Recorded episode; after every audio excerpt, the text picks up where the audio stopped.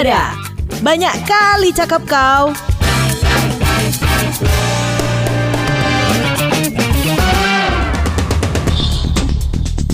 Halo, episode Parbada kali ini masih bersama saya Don Brady dan kali ini kita akan ngobrolin soal golput atau golongan putih. Nah, biasanya nih kalau sudah mau dekat-dekat pemilu, kita kali ini nanti di tanggal 17 April 2019. Nah, biasanya para golput ini mulai bermunculan nih. Bukan dibilang musiman sih enggak ya, tapi ya memang biasanya dekat pemilu begini nih baru kedengeran lagi nih para uh, golput golput mania atau golput apa ya ngomongin ntar kita tanya dulu ya. Menurut lo golput itu benar apa salah? Nanti pemilu udah punya pilihan dong. Sebetulnya benar aja sih, karena itu kan termasuk hak. Kamu golput? Yap, Berarti nggak ada pilihan dong nanti. enggak sih, nggak akan. Itu pun juga kalau misalnya memilih kan, kalau hitungannya ayo coblos dua-duanya kan itu sama aja golput kan. Ya udah. Salah dong, karena kan kita udah dikasih pilihan, kenapa nggak milih? Udah punya pilihan nanti di pilpres? Sudah dong, jangan golput say, sayang. Golput itu benar karena pilihan yang ada belum bisa mengakomodir, belum memenuhi harapan lah. Salah, salah dong. Kan kita sebagai warga negara itu kita udah dikasih kesempatan untuk milih pemimpin kita sendiri nih. Nanti kalau misalnya kita nggak boleh pemimpin kita milih pemimpin kita sendiri, kita protes. Kita udah dikasih hak untuk memilih pimpinan kita sendiri, kita protes juga. Pemilu ini kan suatu bentuk juga kita ya ikut dalam demokrasi dari negara kita. Ya masa sih kita nggak milih? Jadi udah siap pilih nanti? Udah sih kita lihat aja nanti. Jadi di Parbada 1 sudah ada Bakti Sugiono seorang wira swastawan. Hai Mas Bakti. Ya, selamat siang Mas. Terus juga di Parbada 2 ada Muhammad Abdul Basit atau Abbas, Ketua BEM UNJ. Hai Mas Abbas. Oke, hai Mas. Jadi ya saya ceritakan sedikit Mas Bakti. Ini adalah golput ya, seorang yang memilih untuk golput. Nah, jadi Mas Abbas ini adalah dia adalah ketua BEM UNJ nggak mungkin golput dong ya kan seorang mahasiswa ketua BEM lagi. Oke, saya ke Mas Bakti dulu nih. Mas Bakti, kenapa golput? Soalnya kalau saya pribadi kalau ngelihat yang sekarang-sekarang ini sebenarnya nggak ada yang bisa dijual gitu ke negara Indonesia ini ibaratnya. Nah, programnya gitu ya. Programnya. eh. jadi nggak ada yang bisa apa ya bikin masyarakat itu mau milih gitu. Jadi kayak saya ini bingung nih. Ya lah kayak di sosial media aja tuh yang ini ngejeknya ke kayak gini, yang kubu sebelah ngejeknya kayak begini. Harusnya kan kalau emang pemimpin kenapa nggak dibagusin? Ini loh program saya. Kenapa Hmm. nggak diajukan seperti itu gitu. Hmm, kenapa enggak ngomongin soal programnya tapi malah jelek-jelekin Iya. orang lain? Oke, sejak kapan golput? Sejak pemilu ini. Sejak, sejak pemilu ini. 2014 yang lalu masih Pemilih. milih masih milih ya? Pemilih. Oke, saya nggak akan nanya siapa yang ah, dipilih nggak. Iya. kita nggak nanya itu. Tapi kenapa bisa berubah? 2014 itu kan belum lama. Iya. dan calonnya masih sama. Gitu loh. Oke lah wakilnya berbeda. Tapi kenapa bisa jadi memutuskan untuk golput? Ada beberapa faktor sih yang saya lihat ya mas. Heeh. Yang pertama tuh kayak dulu Jokowi meng- membebaskan tentang demokrasi, bebas berpendapat dan apa-apa tuh. hmm oke Nah, tapi saat ada yang kayak Pak Ahok gitu kan, Eh. tapi malah mereka yang mengaspirasikan suara Pak Ahok itu malah dibilang dijelek-jelekin lah kayak maksudnya kalau milih Ahok mayatnya jadi kayak gini. Jadi kan nggak bebas kita mau pemilu kan, ibaratnya gitu. Ini maksudnya mengesampingkan agama ya maksudnya. ya ya Ah. jadi intinya kecewa sedikit kecewa. Oke. Sedikit kecewa. Terus yang kedua juga dulu Pak Jokowi pas 2014 itu berharap banyak pada petani kan. Tapi setelah empat tahun dia menjadi presiden, saya ngerasa tuh kayak ada yang kurang. Memang Pak Jokowi memberikan banyak sertifikat, banyak memberikan traktor untuk petani. Cuman kan saya ada yang saya sendiri tuh mikir kayak apa yang kurang ya? Pak Jokowi tuh kayak nggak berani bikin apa ya? Mungkin petani PNS gitu. eh tapi kan banyak mas programnya yang memang yang nggak semua bisa Hmm. di, di di di apa namanya dijalankan. Tapi Hmm. kan ada yang beberapa yang menonjol juga gitu loh. saya tetap aja kecewa. Soalnya Tetap kecewa gimana? ya? Ya? kalau saya saya balik lagi ke petani tadi ya. Kayak ke petani emang memang benar dikasih alat, Ah, maksudnya ah. dikasih Ah, pembangunan yang yang oke lah, maksudnya bertaraf oke lah. Cuman kan kita masih mikir, harga barang tetap naik kan? Mm. Berarti kan tetap ada yang salah. Berarti bukan pembangunan yang kan yang harusnya di- dipikirkan kan, tapi lebih kepada SDM-nya. Nah, kenapa nggak Jokowi coba buat program itu di tahun ini pasti saya milih itu. Nah, lima tahun yang lalu 2014 juga kan ada calon presiden yang sama tuh Prabowo. Ah ya itu memang sama Gimana? mas. Tapi samanya tuh dalam artian gini. Di 2014 itu kan kita lihat SBY itu Pak SBY itu kan sudah tidak bisa jadi presiden lagi kan. Aha. Nah di 2014 itu kita bilang Pak Jokowi dan Pak Prabowo ini kan datangnya fresh bener-bener Baru. program. Ah, Nggak ada petahana, nggak ada Iya, incumbent jadi, ya. ah, jadi saya sebagai 2014 yang lalu itu memilih itu ya bener-bener saya cari gitu. Bener Hmm. bener saya lihat programnya itu memang bener ada gitu. Mhm. Nah, kalau kalau sekarang sih saya lihat sih kagak ada programnya. Jadi beda banget cara pemilu di 2014-nya pun ber- beda banget kreatif kan 2014 menurut saya. Di 2014 itu yang saya lihat itu seniman juga aktif bikin lagu-lagu baik dari pihaknya Prabowo, dari pihaknya Jokowi. Jangankan lagu-lagu, aplikasi game yang mengedukasi anak-anak untuk mau biar pemilu pun ada gitu di 2014. Menurut saya itu harusnya di tahun ini pun setidaknya dikembangin lagi, harusnya ada lagi gitu malah. Tapi sekarang malah nggak ada gitu. Malah orang bergantung kepada berita jadinya. Oke. Mas Abbas dulu, Mas Abbas, ini gimana nih ngelihat anak muda seperti Mas Bakti ini hopeless atau kecewa? Banyak gak sih yang seperti itu? Terima kasih Mas Bakti ya yang sudah menyampaikan. Ya, sama. Itu bentuk keresahan juga ya, bentuk Eh. keresahan. Yang mana ini banyak ya, saya temukan juga. Kalau misalkan sebelum berbicara tentang Mas Bakti gitu, berbicara tentang orang yang golput gitu. Setahu saya orang yang golput itu yang pertama itu orang yang tidak mengakui NKRI ini gitu. Hmm. Intinya dia Hmm. ya tidak percaya dengan NKRI, tidak mau ikut NKRI gitu dan tidak mau masuk dalam bentukan demokrasi seperti ini gitu. Contohnya teman-teman yang mungkin punya ingin atau mengharapkan bentuk kenegaraan yang lain kayak gitu.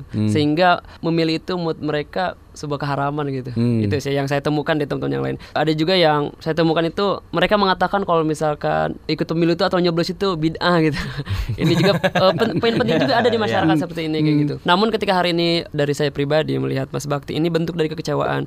Yang mana ini juga sempat kita rasakan teman-teman mahasiswa kita hari ini dihadapkan dengan pemilu serentak dan dihadapkan juga dengan perpecahan gitu. Perpecahan Hmm. kedua belah kubu. Yang mana ini efeknya sampai pada akar rumput kayak gitu. Ini poin penting juga. Kan dulu itu pernah ada undang-undang ambang batas itu yang mana itu prasyarat sebagai capres dan cawapres. Ya. yang mana ini bentuk kekecewaan juga kita sebagai mahasiswa. Dan kita juga pernah mengusulkan kita mahasiswa untuk apa? Untuk merubah uh, undang-undang tersebut gitu. Jadi uh, warga negara khususnya di Indonesia demokrasi ini seharusnya hak dipilih dan memilih itu bebas gitu. Jadi paslon ataupun calon presiden dan wakil presiden itu nggak terbatas gitu. Bukan terbatas dari partai politik kayak gitu. Ya, seharusnya seperti itu kan. Seharusnya itu bukan hanya dua calon gitu kita Hmm. juga menginginkan bahwa Banyak eh, Iya. referensi, banyak, pilihan pemimpin ya. gitu. Masa sih ketika hari ini kita dihadapkan dengan capres cawapres hanya terbatas dari Jokowi dan Prabowo saja gitu. Mhm. Seharusnya Indonesia khususnya ya membuka siapa pun itu berhak untuk mencalonkan diri sebagai presiden. Itu poin pertama. Namun ketika hari ini sudah bergulir bahkan keputusan itu tetap masih dijalankan ya berkaitan ambang batas, maka kita hada- dihadapkan dengan hal seperti ini gitu. Jadi perpecahan itu gampang sekali gitu. Serang menyerang kayak gitu kan. Sampai ujung-ujungnya adalah konflik agama itu sendiri. Itu sangat penting dan itu sangat kita sesalkan sampai dengan saat ini. Kayak gitu. Dari mahasiswa sendiri, ini emang kita mengawal kayak gitu. Dari 2009 pemilu, dari 2014 bahkan pilkada Jakarta, kita mahasiswa hadir gitu sebagai pengawal pemilu gitu. Bahkan pengawal pilkada. Untuk apa? Untuk mensukseskan pemilu khususnya. Karena berbicara demokrasi yang kita tuju adalah rakyat gitu. Ketika hari ini orang mungkin sudah tidak percaya, mungkin kalau misalnya saya Mas Bakti itu ibarat kalau di akun Instagram itu seperti hanya Nur Hadi Aldo gitu.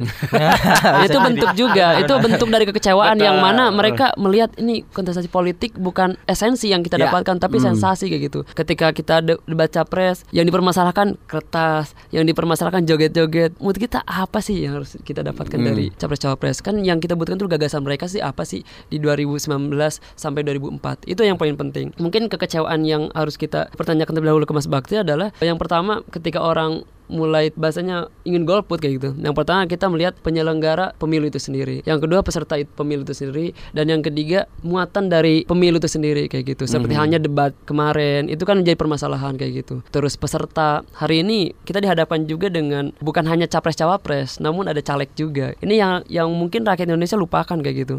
Banyak kan hari ini kita terfokus pada capres cawapres kayak gitu tapi di sisi lain ada juga caleg-caleg kayak gitu yang mana ketika nanti kita memilih itu ada lima suara yang harus kita pilih gitu empat Lima kertas ya? Iya, lima kertas ya. Mhm. lima kertas yang kita pilih capres cawapres dan yang lainnya DPR Agak dan repot DPD sih. nah makanya dari itu ya. Nah ini mungkin ini agak eh, penyebab ya penyebab orang itu mulai malas untuk, ini untuk gitu ya? golput. Ini apa sih? Itu poin pentingnya adalah mengenal dari calon sendiri. Kalau misalnya kita hari ini kita dihadapkan dengan capres cawapres, ya kita agak sedikit kesal juga gitu. Terlebih KPU juga gitu. Mungkin ketika hari ini saya hadir di sini agak sedikit ingin mengkritik juga KPU gitu. Hmm. Kita hadir di di KPU meminta audiensi kepada KPU sampai dengan hari ini KPU masih tertutup gak mau masuk mem- apa menerima kritikan dari kita, menerima masukan dari kita. Bahkan beraudiensi pun dengan mahasiswa tidak mau gitu. Ini penyelenggara KPU yang diamanahkan konstitusi negara gitu ya. Itu tidak mau nerima. Padahal dulu kita bermitra dengan KPU gitu. Kita sampai ada gerakan mahasiswa seribu mahasiswa kawal TPS kayak gitu. Kayak gitu di berbagai daerah gitu. Tapi sekarang? kalau sekarang itu kita tidak bisa melakukan itu gitu. Karena apa? Mungkin akses ke KPU pun sekarang ditutup kayak gitu. Mungkin mereka lebih mengutamakan masukan dari paslon 1, paslon 2 gitu. nah, ini yang kita khawatirkan. Jadi posisi KPU di sendiri kita menyayangkan banget gitu. Mungkin kekecewaan itu ada gitu, kekecewaan itu ada. Namun baik lagi ketika hari ini demokrasi bentuk kita republik ya, sesuai dengan kata Latin ya, de republika gitu yang artinya rakyatnya sendiri yang berdaulat. Kalau rakyatnya jauh dari kata ataupun partisipasi rakyat jauh gitu, maka siapa yang mau mengontrol pemerintah gitu? Eh, eh, eh. Baik itu pemerintah maupun wakil rakyat gitu, DPR ataupun DPD. Itu penting. Karena ya tadi saya sampaikan kembali, kita hari ini terfokus pada capres cawapres sedangkan caleg-caleg kita melupakan nah itu. Nah, itu. Tuh ngomong soal caleg, ngeh nggak sih Mas Bakti soal caleg-caleg itu atau emang selama ini nggak peduli? Saya sih nggak ngaja, tetap baca berita tentang itu juga. Heeh. Kalau saya sendiri tetap gimana ya? Kalau lihat caleg tuh kayak manis di bibir aja. Manis di bibir aja buat dapetin suara ya. Iya. Oke, ke Mas Abbas. Mas Abbas, kalau se- seorang golput itu menurut seorang Abbas sendiri salah nggak sih? Menurut saya salah untuk Kenapa? golput. Ini berbicara tentang pandangan pandangan saya tuh Mas. Jadi berbicara demokrasi Tapi kan itu haknya kita juga. Oh iya hak sih. iya sih hak. Eh, eh, ya apa-apa harus tarik aja Iya. kenapa? Jadi eh, rasa memiliki demokrasi itu sendiri sih Oke. purpose-nya. Kalau misalkan dulu sebelum 2004 bahkan sebelum reformasi, demokrasi semacam ini sudah kita lakukan di kampus gitu. Kalau Oke. misalnya beli- melihat sejarah di kampus, kampus itu sudah melaksanakan demokrasi ketika tahun 80.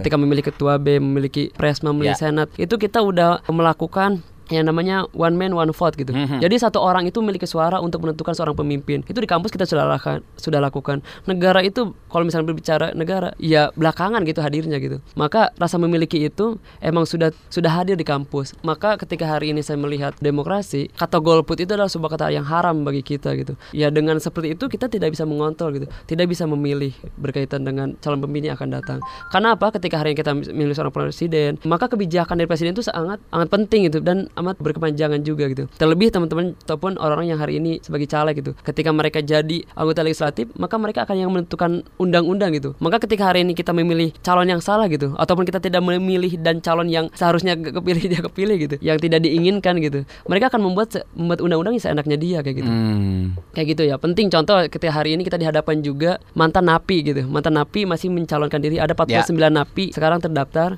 Mantan koruptor lagi? iya mantan, napi koruptor Iya, mantan napi koruptor maksudnya. Mencalonkan diri dan hari ini masih masih mencalonkan diri gitu. Kan seharusnya rakyat udah jelas gitu ketika hari ini walaupun sudah dipublikasi gitu oleh KPU dan si juga ingin mengkritis juga KPU gitu. Jadi publikasinya ataupun ketika KPU menyampaikan napi itu kan dalam undang-undang Ya. napi itu disa- disampaikan diinformasikan kepada masyarakat luas secara terbuka. Harusnya disebutkan juga nama dan, dapilnya dari mana gitu. Bukan hanya sekedar partai ini berapa tingkat provinsi berapa kabupaten berapa bukan hanya nominalnya gitu. Walaupun ada sih ketika kita lihat di akun Instagramnya disampaikan juga nama-namanya biar terbuka banget gitu oh si ini yang calonkan diri sebelumnya napi koruptor gitu itu penting kecerdasan gitu atau pencerdasan dari lembaga yang diamanahkan sebagai penyelenggara KPU Oke. penyelenggara pemilu Iya betul. Mas Bakti gimana tuh katanya? Nggak nggak bener nih seorang yang golput nih. Kalau saya sih ya gimana kan kalau go- golput juga nggak melanggar hukum kan. Mhm. Ibaratnya kan ada di pasal kalau nggak salah ya, kalau salah cari aja lah. Iya. kalau nggak salah di pasal KUHP nomor satu itu kan menjelaskan apa pun yang tidak melang tidak melanggar hukum tidak bisa dijerat apa pun. Ibarat kalau nggak salah ya. Hmm. Berarti termasuk hak kita. Golput itu kan hak juga. Sama Hmm. kayak UU ITE aja kita lihat. Kita tidak bebas di di dunia maya sendiri. Memang ada batasan-batasan Mhm. tersendiri. Mhm. Cuman kan kita sebagai harusnya sebagai yang menganut negara demokrasi itu untuk dunia maya seperti itu setidaknya ya aturannya itu harus jelas gitu. Hmm. Apa apa apa kan kalau nggak jelas kayak bisa dipelintir juga ibaratnya kan Tapi nggak sayang tuh suaranya nggak digunain. nggak sayang sih nggak apa-apa golput itu orang paling kaya mas serius pemilu itu kan dibayar oleh pajak orang golput bayar pajak bikin pesta tapi nggak datang kaya nggak. Iya bener juga sih. Oh. Orang-orang golput itu bayar pajak, Iya. tapi ada hajatan. Hmm. Saya nyumbang loh di hajatan Iya. itu, tapi kayak nggak datang. Ah. Biarin aja lah orang berpesta gitu ya. Iya, iya. Terus Oke. ada juga kan kadang ada pemikiran mungkin ini ya Mas ya. Mungkin sering banyak juga yang mungkin ya. Orang golput tuh jangan mengkritisi pemerintah dan bla bla bla gitu gitu. Berarti kan mungkin Mas gak pernah pernah menerima kayak gitu ya. Kalau saya pribadi ya, kalau memang negara ini demokrasi kenapa golput tidak boleh mengkritisi? Kan batasannya pemerintah, bukan mengkritisi tentang presidennya. Kita mem- mengkritisi tentang program kerja presidennya. Secara kan uang kita, pajak kita kan. Saya balik lagi ke pajak tadi maksudnya kan ya sah-sah aja kalau menurut saya. Jadi ya kalau ditanya golput itu sayang apa enggak suaranya ya nggak sayang lah. Yang penting kan saya bayar pajak. Mas Abbas? Lihat Mas Bakti ini sebenarnya ini harus di harus didengar ya oleh penyelenggara pemilu khususnya KPU kayak gitu. Terlebih juga paslon gitu. Nanti kita sampein deh. capres cawapres Pak Prabowo dan Pak. Jokowi. Iya. Iya penting karena kok dulu iya. dari sini ya. Iya KPU dekat. Nah karena ini penting juga hal suara-suara yang seperti ini harus tersampaikan gitu. Heeh. Mahasiswa melaksanakan pengawal pemilu di dalamnya itu edukasi. Mas. Oke. Bahkan kalau ini kayaknya udah stadium berapa ya yang harus yang harus eh, ditangani Akut, oleh iya. Belum akut ah. Pemilu 2014 masih milik kok. Oh iya. masih milih gitu. Makanya treatmentnya emang harus dari calon langsung mungkin. ya. Calon langsung. Calon langsung sama penyelenggara. Agak penyelenggara. berat sih sebenarnya ketemu sama calon. Ini tapi eh, ada sisi lain juga ketika seorang dia punya ataupun punya keresahan sampai pada akhirnya itu golput masih mending bagi saya Mas gitu. Dibanding ketika hari ini mereka yang menjualkan hak pilihnya itu karena uang gitu. Ini money politik. Ini po- poin penting juga. Ini menurut saya lebih lebih jahat kayak gitu ya. Poin penting dari pemilu atau penyelenggara pemilu ini gitu. Jadi emang nggak ada hukum gitu. Maksudnya nggak ada hukuman ya bagi orang-orang yang golput gitu. hukum.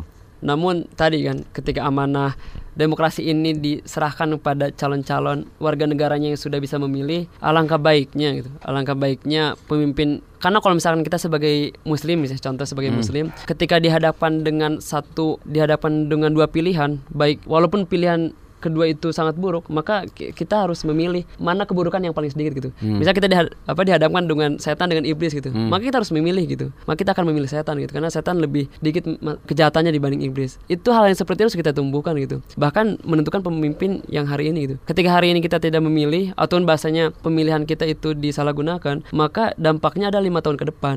Itu sih jangka panjang karena eh, negara ini dibangun oleh oleh funding funder yang berpikiran ke depan kayak gitu. Namun hari ini kita Ya. belum menemukan pemimpin itu gitu. Benar kalau misalnya kata Mas Bakti, saya belum menemukan calon pemimpin yang menurut saya serak banget. Itu poin penting. PR untuk capres cawapres, Penting untuk partai pemilu iya, ya, partai untuk mencari politik, sosok ya. Ya untuk caleg semuanya itu Hmm. penting juga gitu. Karena kalau misalnya kata Bung Karno itu, kalau sebagai pemimpin itu yang pertama harus bisa membuat imajinasi terhadap rakyat gitu. Hmm. Bahasanya gambaran lima tahun ke depan mau ngapain sih kayak gitu. Nah kita belum menemukan itu. Benar kata kata Mas Bakti. Tapi kita juga boleh, belum. Silakan, silakan. Sebenarnya ada mas, itu 2014 itu ada. Kalau mas mungkin kan mau mau cross check lagi silakan, kalau enggak ya silakan. Di 2014 itu bisa dibilang kan Prabowo dan Pak Jokowi ini baru ibaratnya. Mereka itu sama-sama baru, tapi kenapa Jokowi bisa menang? Mungkin mas ada pikiran nggak? Saya tanya dulu deh. Ya kebetulan dia menang.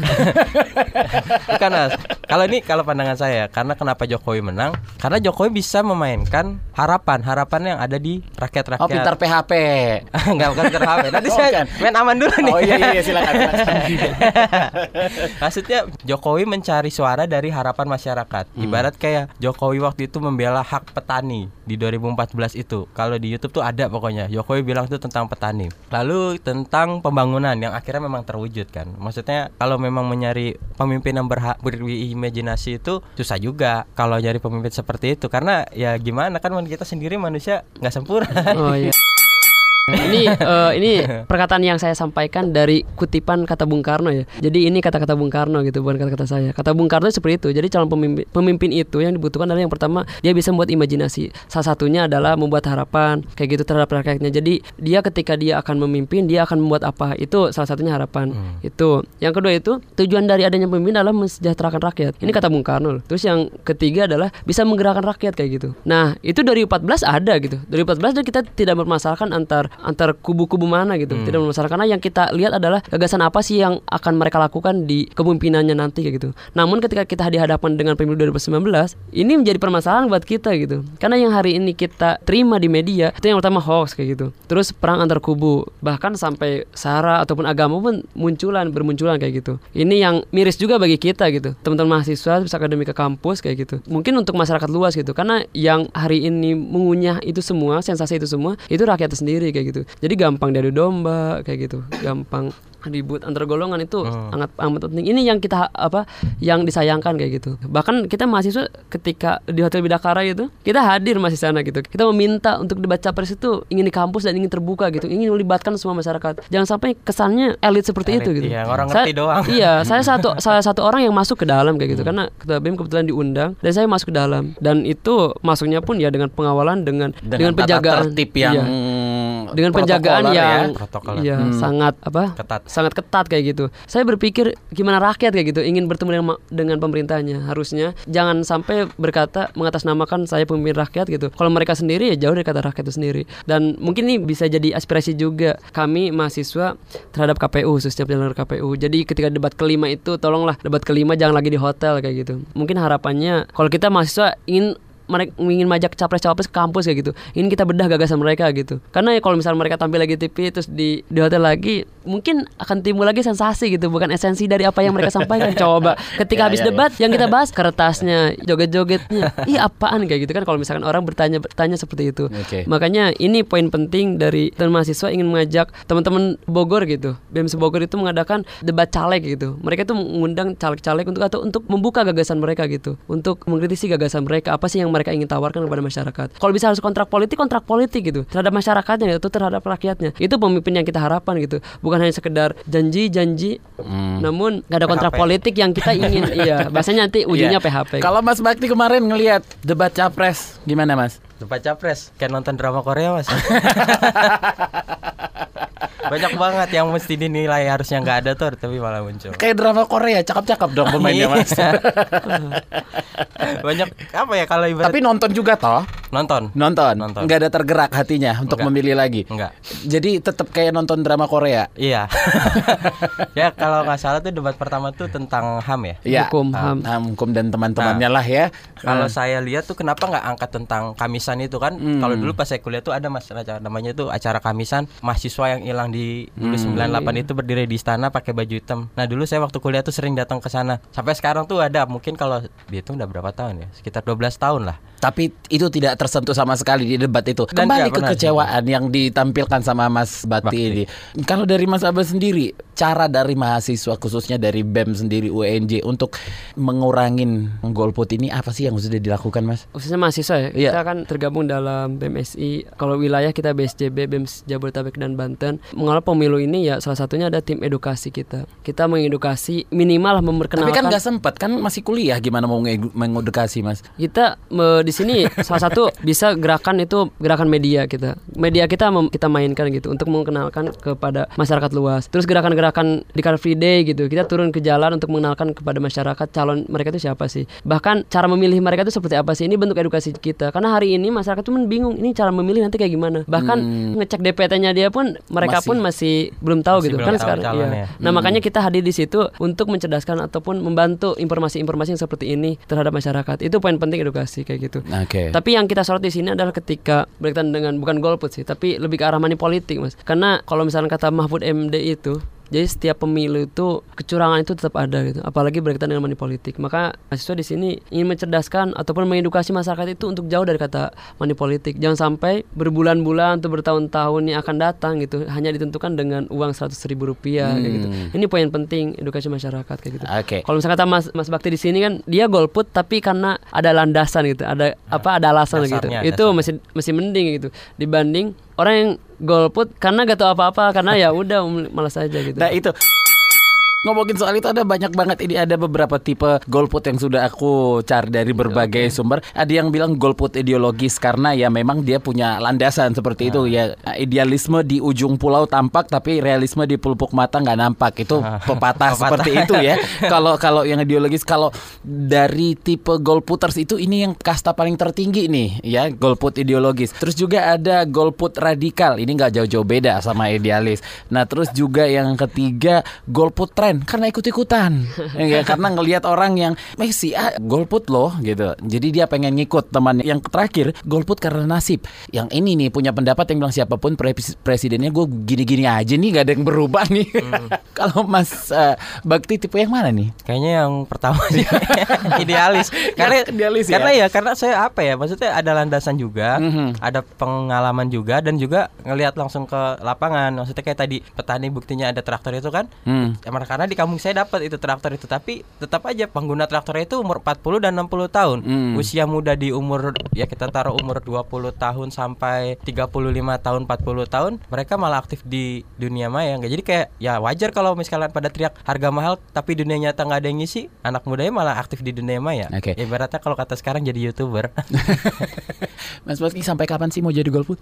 sampai nemu yang oke kayak 2014 Asik. kan sama nih. Sekali lagi gue balikin lagi nih. Katanya kan sama calonnya. Ya, memang calon sama mas. Cuman ya kayak kita lihat di debat kemarin aja kan, nggak ada program yang diajukan kayak gitu. Katakan kalau kata orang lihat pemimpin itu dari visi misi, misalkan kalau gitu. Disamakan kan sama di debat itu. Ternyata nggak ada yang apa sih keunggulan di debat itu nggak ada yang ditonjolin programnya si Kedua pasang Ah, calon kedua ya. pasang calon. Hmm. Yang ada malah saling ejek-ejekan kayak Jokowi bilang kalau mantan na- narapidana korupsi itu Pak Prabowo yang menandatangani kan jelas itu menjatuhkan ibaratnya kan. Ah. Sama halnya sama kayak Pak Prabowo, Prabowo. ke Jokowi lah saya gitu. Maksudnya ya mana program yang kalian ajukan ke masyarakat? Masukan dari Ma- Mas Abbas apa? untuk di kampus menurut saya sih malah itu bagus juga. Cuman kan kita mungkin nggak akan terjadi Mas. Keamanan dan lain-lain kan. Ya. Protokol mungkin yang Jadi Mas Bakti ini akan golput sampai menemukan sosok pemimpin yang menurut Mas Abbas pas. Iya. Mas Abbas sendiri nih sampai kapan nih untuk memberantas para golput ini?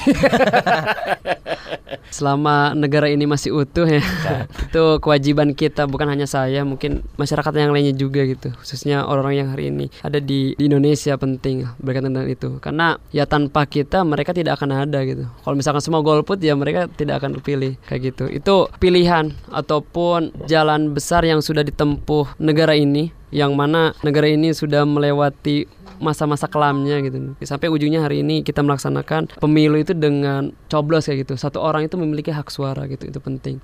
Ini PR besar berarti untuk peserta pemilu gitu. Kalau misalnya kita kita ingin lihat lebih seru debat tim sukses gitu dibanding Ya. dibanding capres cawapres gitu. Contoh kayak tadi misalnya seperti halnya orang yang hilang itu nggak sempat diangkat ketika Di debat. berbicara tentang di debat bicara ngomongin hukum dan ham kayak gitu. Itu yang diharapkan rakyat gitu yang kita tunggu-tunggu bahasan yang seperti itu gitu Berarti yang ditunggu-tunggu yang berantem-berantemnya dong gimana?